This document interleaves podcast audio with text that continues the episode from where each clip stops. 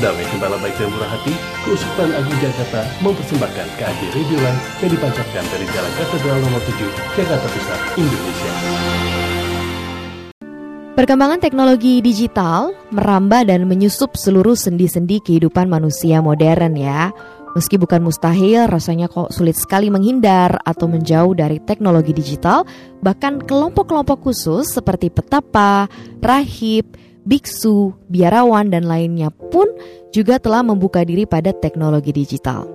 Tapi, teknologi digital sendiri suatu yang positif atau negatif ya.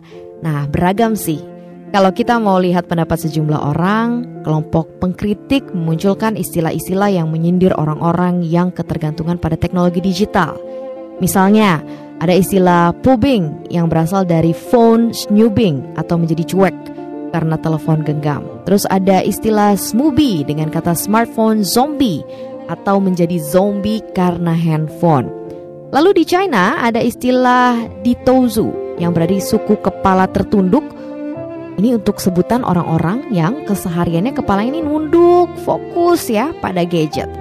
Kemudian serupa juga orang Jepang menciptakan sebuah sebutan bagi orang yang lebih mahir komen di dunia maya daripada bicara atau diskusi langsung, yaitu Oyayu Bizoku atau klan jempol.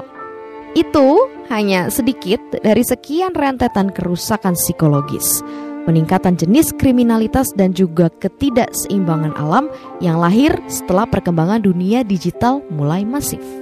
Nah, akan tetapi rasanya tidak ada orang yang bisa naif dengan mengacuhkan efek positif teknologi digital yang menjadi solusi banyak persoalan masyarakat di masa lalu. Bahkan, Bill Gates mengatakan bahwa teknologi itu tumbuh dan menyusup dalam kehidupan dengan sangat lembut sehingga tanpa disadari orang-orang sudah hidup bersama dengan teknologi itu setiap hari. Ini bukan kalimat omong kosong loh. Lihat aja ya, bagaimana orang saat ini menilai handphone itu sebagai sebuah kebutuhan dan hal biasa. Padahal kurang dari 20 tahun lalu handphone ini masih merupakan barang mewah loh dan masuk dalam kategori kebutuhan tersier atau tingkat ketiga. Nah kalau saya sendiri ini merasa harus menempatkan teknologi digital sebagai sesuatu yang pada dirinya sendiri bersifat netral atau yang nggak buruk ya dibilang baik juga nggak baik gitu ya teknologi digital ini baru menjadi positif atau negatif tergantung bagaimana orang menggunakannya. Nah termasuk dengan apa yang akan kita bahas kali ini. Bisa nggak ya kita menggunakan teknologi digital untuk mewartakan kasih dan kebaikan? Apakah benar anggapan banyak orang kalau teknologi itu hanya akan membawa manusia semakin jauh dari kehidupan keimanan? Atau yang lebih ekstrim, teknologi akan menjadi bentuk dalam tanda kutip Tuhan atau agama baru?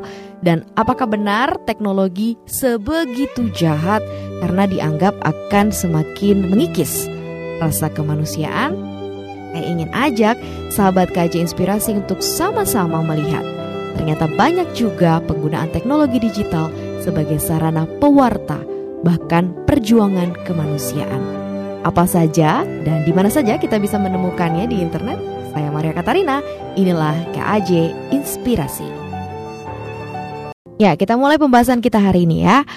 Sarana teknologi pertama yang bisa menjadi bentuk pewartaan sederhana bahkan bisa kita lakukan setiap pagi, setiap hari, dan hanya butuh sekian detik aja ya adalah pesan singkat. Ada banyak jenisnya kalau sekarang. Nah, dulu tuh mungkin bisa menggunakan SMS ya, berbayar gitu. Tarifnya biasanya 300 sampai 500 rupiah per SMS. Tapi sekarang banyak sekali aplikasi pesan singkat yang sudah menggunakan kuota internet, terus juga tanpa limit. Nah, hal ini membuat penyampaian pesan antar pribadi menjadi lebih murah dan juga lebih lengkap. Nah, apakah bisa menggunakan aplikasi pesan singkat untuk mewartakan kasih dan kemanusiaan? Bukankah pemerintah saja nih ya pernah memblok beberapa aplikasi komunikasi singkat misalnya seperti WhatsApp dan juga Telegram karena terindikasi menjadi sarana penyebaran berita palsu atau hoax. Bahkan kita rasanya lebih sering ya menerima joke atau memes yang sekedar cuma buat tertawa aja gitu ya sesaat atau kita mengerenyitkan dahi aja kalau misalnya bentuknya tuh aneh gitu atau lucu-lucu. Nah, menurut pengalaman saya banyak kok kelompok-kelompok atau grup aplikasi komunikasi yang memberikan efek positif dalam keimanan. Misalnya ada grup-grup yang dibentuk karena kesamaan aktivitas, keagamaan, atau kursus agama, atau misalnya kelompok ngaji, atau kelompok ibadat. Seringkali juga beberapa anggotanya itu mengirimkan potongan-potongan renungan ya dari ayat uh, ayat-ayat begitu ya dalam kitab suci.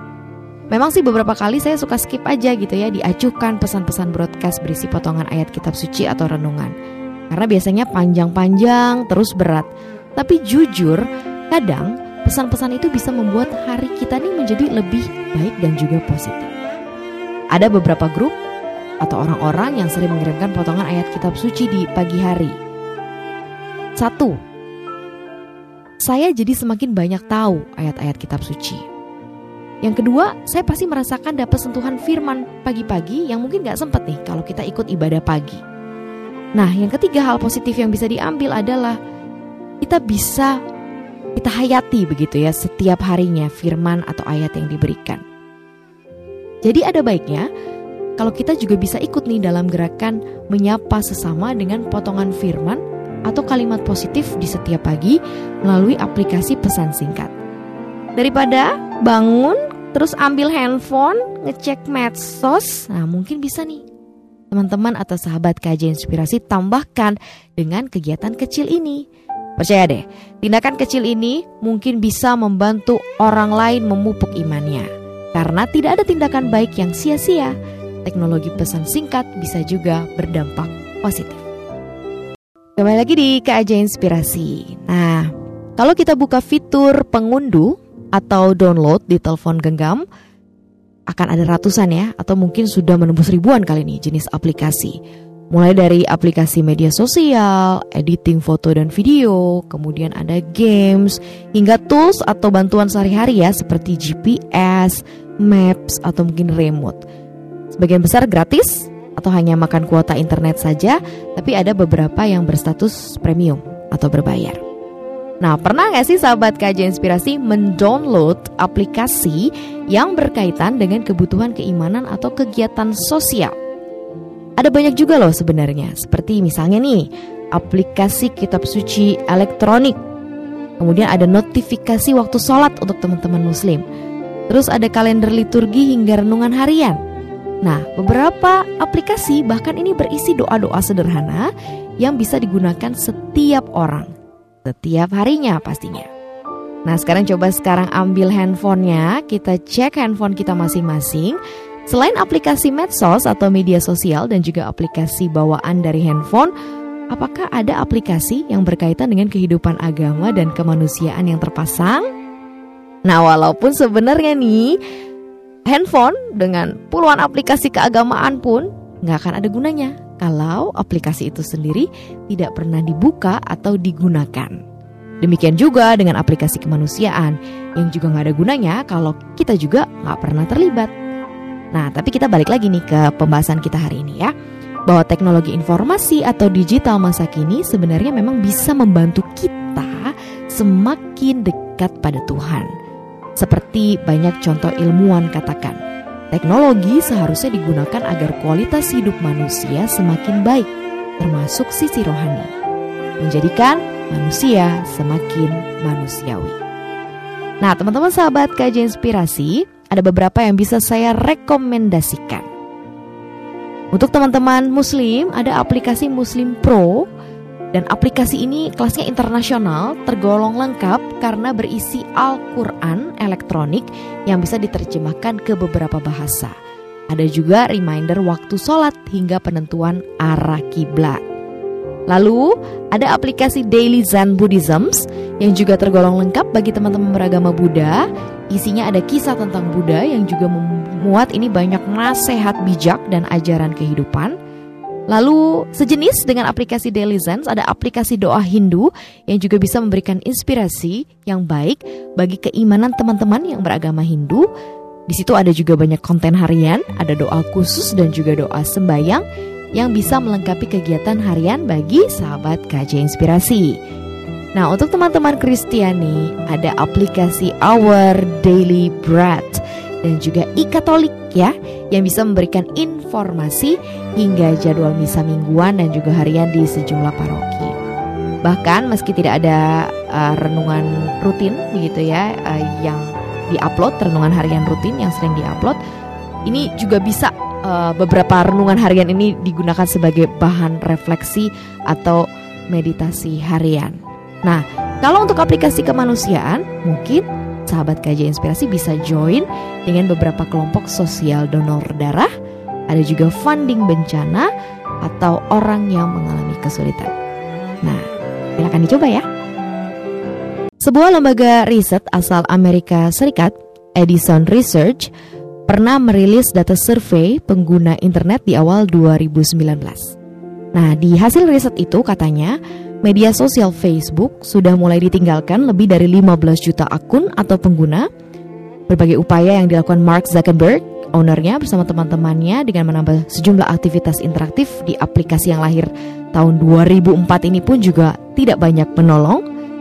Nah, Hal ini menimbulkan fakta bahwa memang sudah sangat sedikit generasi milenial yang aktif menggunakan Facebook. Media sosial ini memang lebih banyak berisi generasi-generasi kelahiran pertengahan 1990-an ke bawah ya. Pengguna-pengguna yang memanfaatkan Facebook sebagai sarana membangun kembali jejaring atau komunikasi dengan kawan atau kerabat lama. Sedangkan kelompok milenial lebih pilih medsos atau media sosial yang lebih ringkas dan spesifik Contohnya seperti video di YouTube, foto di Instagram, dan juga mungkin status di Twitter. Meski demikian, saya ingin memasukkan media sosial uh, senior ya seperti Facebook ini sebagai salah satu bentuk perkembangan teknologi yang sering digunakan orang atau kelompok tertentu untuk menyebarkan hal positif tentang keimanan dan juga kehidupan. Walaupun saya juga nggak menafikan ya kalau Facebook juga kerap kali jadi sarana kejahatan dalam tanda kutip untuk orang-orang yang memang punya kepentingan yang uh, tidak baik begitu yang kurang baik.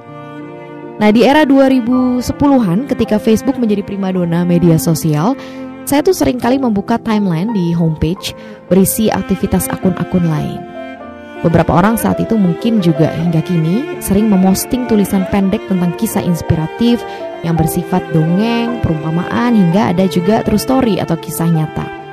Jumlah informasi-informasi seperti ini sebenarnya masih banyak, hanya mungkin saja tertutup dengan banyak postingan populer yang isinya nih gosip, gitu ya, hoax atau berita negatif. Nah, Facebook sebagai media sosial memang lebih mirip tumpukan segala hal yang ditimbun hingga menggunung.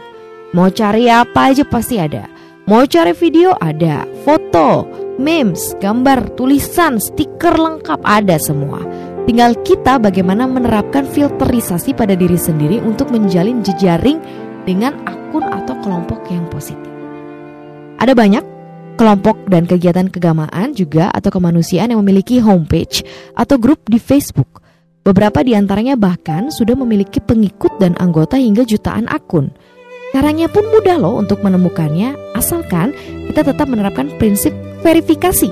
Kemudian juga double check ya, cek berulang karena ada saja orang iseng tidak bertanggung jawab yang suka membuat akun atau grup palsu untuk kepentingan pribadi mereka. Tapi intinya adalah jika memang masih aktif, sahabat KJ Inspirasi menggunakan Facebook, cobalah bergabung dan membangun jejaring dengan orang atau kelompok yang positif bagi perkembangan iman dan kualitas hidup sahabat KJ Inspirasi. Salah satunya mungkin bisa like page KAJ Radio Line begitu di Facebook mulai dari sekarang. Nah, di situ ada update acara-acara yang disiarkan oleh KAJ Radio Line termasuk KAJ Inspirasi ya. Nah, seperti pesan singkat mungkin sesekali bisa menggunakan sejumlah kegiatan interaktif di Facebook ya.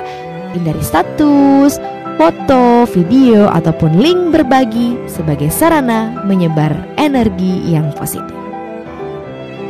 Nah, media sosial yang cukup digandrungi saat ini adalah Yes, betul sekali Instagram Beberapa inovasi teknologi digital aplikasi ini cukup menarik minat jutaan pengguna Cek aja ya, ada betapa seringnya Instagram mengupdate aplikasi story mereka untuk membuatnya semakin lucu-lucu dan memancing orang untuk menggunakannya.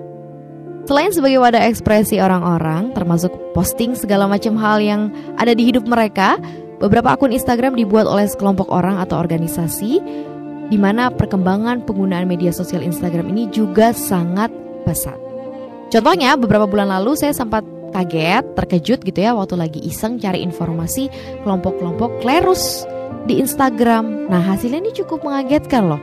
Karena sudah puluhan kelompok ordo imam, bruder, atau suster yang memiliki akun Instagram. Nah, mereka tuh secara periodik juga mengupdate kegiatan dan perkembangan ordo mereka.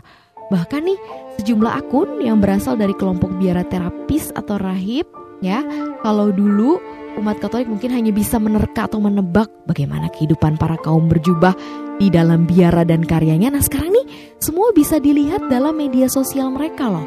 Ini juga mungkin jadi ajang promosi panggilan ya bagi orang yang tertarik menjalani hidup membiara.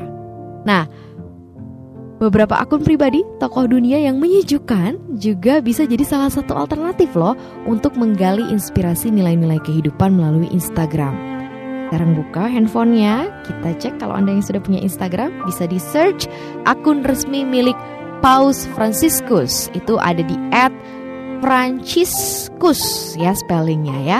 Kemudian ada Dalai Lama, Dalai Lama dengan Dalai Lama disambung. Kemudian juga ada Quaris Shihab ya di @quaris.shihab. Pasti sudah tahu ya tokoh-tokoh keagamaan ini. Lalu ada juga banyak gambaran uh, tentang betapa teduhnya ya menjalani kehidupan dan keimanan. Beberapa unggahan akun-akun tersebut tadi yang sudah saya sebutkan juga kerap dilengkapi dengan kalimat-kalimat nasihat yang bisa sedikit banyak menjadi embun segar di hari-hari sahabat KAJ Inspirasi. Bagaimana? Sudah tertarik untuk memfollownya?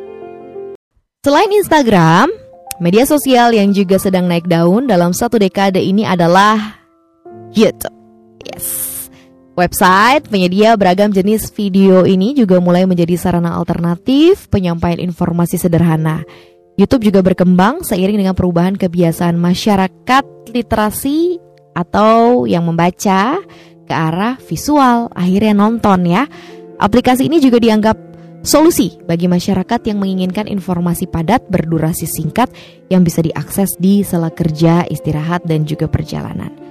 Sejauh ini banyak pakar sosiolog juga psikologi yang mengkritik keberadaan YouTube yang sudah mulai menguasai dan menjadi referensi pengetahuan anak-anak di bawah umur. Bahkan saya sering melihat langsung nih bagaimana anak-anak balita era ini harus menonton YouTube dulu kalau mau makan atau biar duduk tenang. Nah, YouTube juga sering dianalogikan sebagai labirin di hutan primitif yang kalau mengikutinya terus ya pasti bisa tersesat ya di tengah situasi yang tanpa kejelasan. Tapi seperti tadi nih yang awal saya katakan bahwa teknologi akhirnya menjadi baik atau buruk ya tergantung bagaimana orang yang menggunakannya. Ibarat sebuah pisau belati ada akan menjadi alat perang atau mungkin misalnya alat potong bawang ya tergantung keputusan dan juga kebutuhan orang yang menggenggamnya. Kenapa gitu ya? Ya karena saya pun juga beberapa kali menonton video-video di YouTube dan banyak ternyata akun atau channel yang memberikan inspirasi loh, informasi dan juga banyak yang positif. Sama contohnya seperti di Instagram, saya juga terkejut menemukan sejumlah channel milik kelompok biarawan di YouTube. Nah, kalau di Instagram nih hanya foto dan potongan video, nah di YouTube ini banyak dari mereka upload video panjang dan juga kualitas gambarnya sangat-sangat baik. Beberapa channel Ordo di Eropa juga memberikan gambaran dan juga cerita Bagaimana para calon dan imam di sana hidup dalam komunitas biara? Bagaimana kegiatan mereka misalnya dari subuh dengan doa pagi dan misa hingga malam hari? Ada juga potongan karya-karya mereka di gereja, sekolah, ataupun juga lembaga sosial. Selain informatif, para biarawan yang menjadi host juga sering menyisipkan renungan atau refleksi kehidupan mereka yang menarik. Bukan hanya di luar negeri loh, Indonesia, para fraternya, para romonya, para susternya juga punya channel YouTube. Kalau memang punya waktu untuk buka video YouTube, kenapa sih nggak sesekali buka channel mereka? Contohnya ada channel seperti promosi panggilan Serikat Yesus, Yesus atau Jesuit Insight. Kemudian ada juga seminari tinggi KAJ, Lentera Ekaristi. Nah, coba dicek tuh akun YouTube-nya ya. Siapa tahu ada sebuah inspirasi atau nilai yang bisa didapatkan dari teknologi visual YouTube. Nah, sahabat kajian inspirasi juga bisa mulai mungkin berawal dari iseng untuk buka atau buat konten yang bisa mengajak penonton memiliki kualitas hidup yang lebih baik. Mungkin singkirkan dulu ambisi untuk mendulang AdSense atau uang dari aplikasi ini seperti yang dilakukan YouTuber kekinian yang sudah jadi milioner. Mungkin memang konten yang tidak populer atau minim viewers, tapi mungkin itu bisa jadi cara Tuhan juga loh. Memakai sahabat KJ Inspirasi memberikan secercah cahaya di tengah perkembangan teknologi saat ini. Kembali lagi di KJ Inspirasi. Jauh nih ya sebelum tren media sosial, dulunya dunia maya didominasi oleh uh, website yang berisi informasi dan cerita para penulis yang dikenal dengan sebutan blogger. Mereka ini adalah orang-orang yang memiliki domain atau alamat website di internet yang khusus mempublikasikan karya pribadinya. Belakangan tren ini nih mulai menurun, tapi sebenarnya nggak benar-benar hilang karena ada beberapa para penulis panjang yang masih banyak mencurahkan idenya di blog pribadinya ataupun juga komunitas. Beberapa blog memang tergantung pada keinginan para pemiliknya untuk terus menulis meski tren mulai bergeser ya pada bentuk visual. Popularitasnya juga tergantung pada kemauan konsumen untuk tetap mau membaca tulisan panjang di tengah perkembangan penyebaran informasi secara visual dan audio. Tapi kalau sahabat KJ Inspirasi punya dan mau menyisikan sedikit waktu, Cukup ketik kata di kunci di Google, maka akan diantar ke sejumlah blog-blog yang berkualitas. Selain blog, juga saat ini sudah berkembang juga sejumlah website resmi kelompok-kelompok tertentu yang menyediakan informasi, cerita, dan juga berita, termasuk perkembangan agama. Nah, umumnya sedikit sekali umat Katolik yang punya kesadaran informasi dan berita tentang perkembangan gereja di dunia. Sebagian besar hanya menunggu informasi yang viral melalui media sosial atau pesan singkat. Padahal tidak jarang informasi yang viral sering keliru karena telah ditambahkan sejumlah sweetener atau bumbu ya. Nah, untuk Vatikan sendiri punya website resmi seperti vatikan.ie atau VA yang juga berisi seluruh dokumen-dokumen konsili dan ajaran gereja. Berita-berita tentang Paus dan gereja dunia juga bisa didapatkan dari website website website gitu ya seperti vaticannews.va atau catholicnewsagency.com.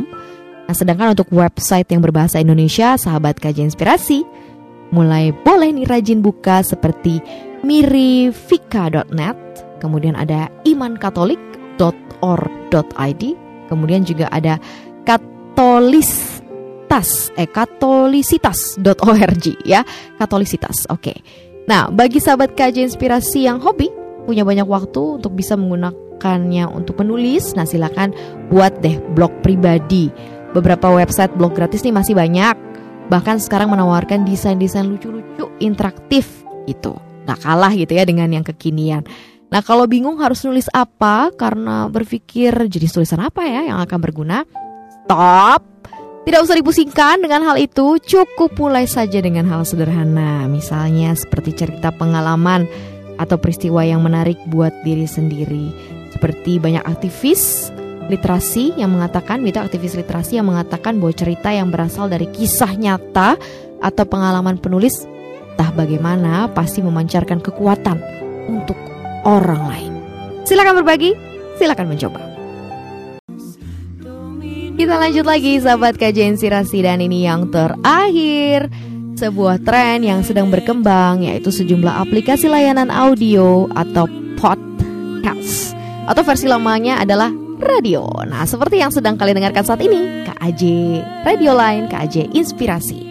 Nah, sejumlah orang dan juga praktisi memang memprediksi bahwa teknologi digital berupa radio ini akan segera wafat atau berakhir. Sejumlah stasiun radio juga saat ini tengah berjuang ya menghadapi gempuran teknologi digital lainnya. Tapi di sisi lain sedang mencari cara bertahan hidup saat iklan mulai bedol desa atau mengungsi ke internet seperti YouTube. Nah, menurut saya sih radio atau podcast ini tetap dapat kok bisa menjadi salah satu teknologi digital yang mampu menyebarkan efek positif. Memang saat ini bisa diklaim pendengar radio hanyalah orang-orang yang sedang dalam perjalanan menggunakan mobil sehingga seperti KAJ Radio Line, kemudian juga sejumlah stasiun radio ini mulai membuat website streaming siaran mereka di internet menjadi serupa podcast. Nah, saya sendiri belum banyak menyelami perkembangan podcast untuk mencari channel-channel yang cukup inspiratif Akan tetapi kemudahan mengakses radio melalui telepon genggam tentu bisa menjadikan teknologi audio sarana yang bisa dinikmati setiap saat. Misalnya dalam perjalanan di mobil atau lagi naik kereta, sambil menunggu atau bersantai bisa mendengarkan siaran saya pastinya di KAJ. Inspirasi KAJ Radio Line dan juga masih banyak acara atau siaran yang bisa menjadi alternatif untuk dinikmati. Jadi, sahabat KJ Inspirasi mungkin bisa mulai mencoba membuat siaran pribadi dengan berbagai pilihan platform podcast saat ini. Khususnya bagi yang tidak suka atau tidak biasa menulis, lebih nyaman dengan atau yang lebih nyaman dengan bercerita. Jadi selamat mencoba bersiaran ya.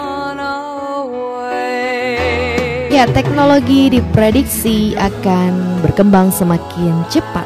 Sebuah inovasi tidak akan lagi lahir dalam waktu puluhan tahun. Menurut sejumlah pakar dan praktisi teknologi, inovasi saat ini hanya membutuhkan waktu dalam hitungan bulan saja. Hal ini akan semakin cepat seiring dengan penemuan-penemuan baru yang krusial.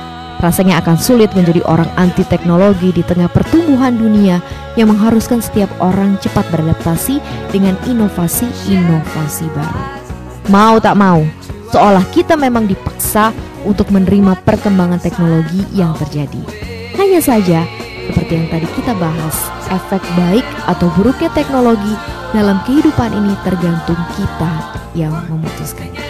Nah, tadi saya sudah bagikan di mana saja kita bisa ikut memberikan inspirasi yang bisa memupuk dan mendewasakan iman serta nilai-nilai kehidupan banyak orang. Semoga bisa menjadi masukan yang bermanfaat untuk sama-sama menjadi manusia yang semakin baik. Mari kita mulai menjalani hidup yang berkualitas. Saya Maria Katarina pamit, sampai jumpa di KJ Inspirasi selanjutnya. Kita adil, bangsa sejahtera. Tuhan Yesus memberkati.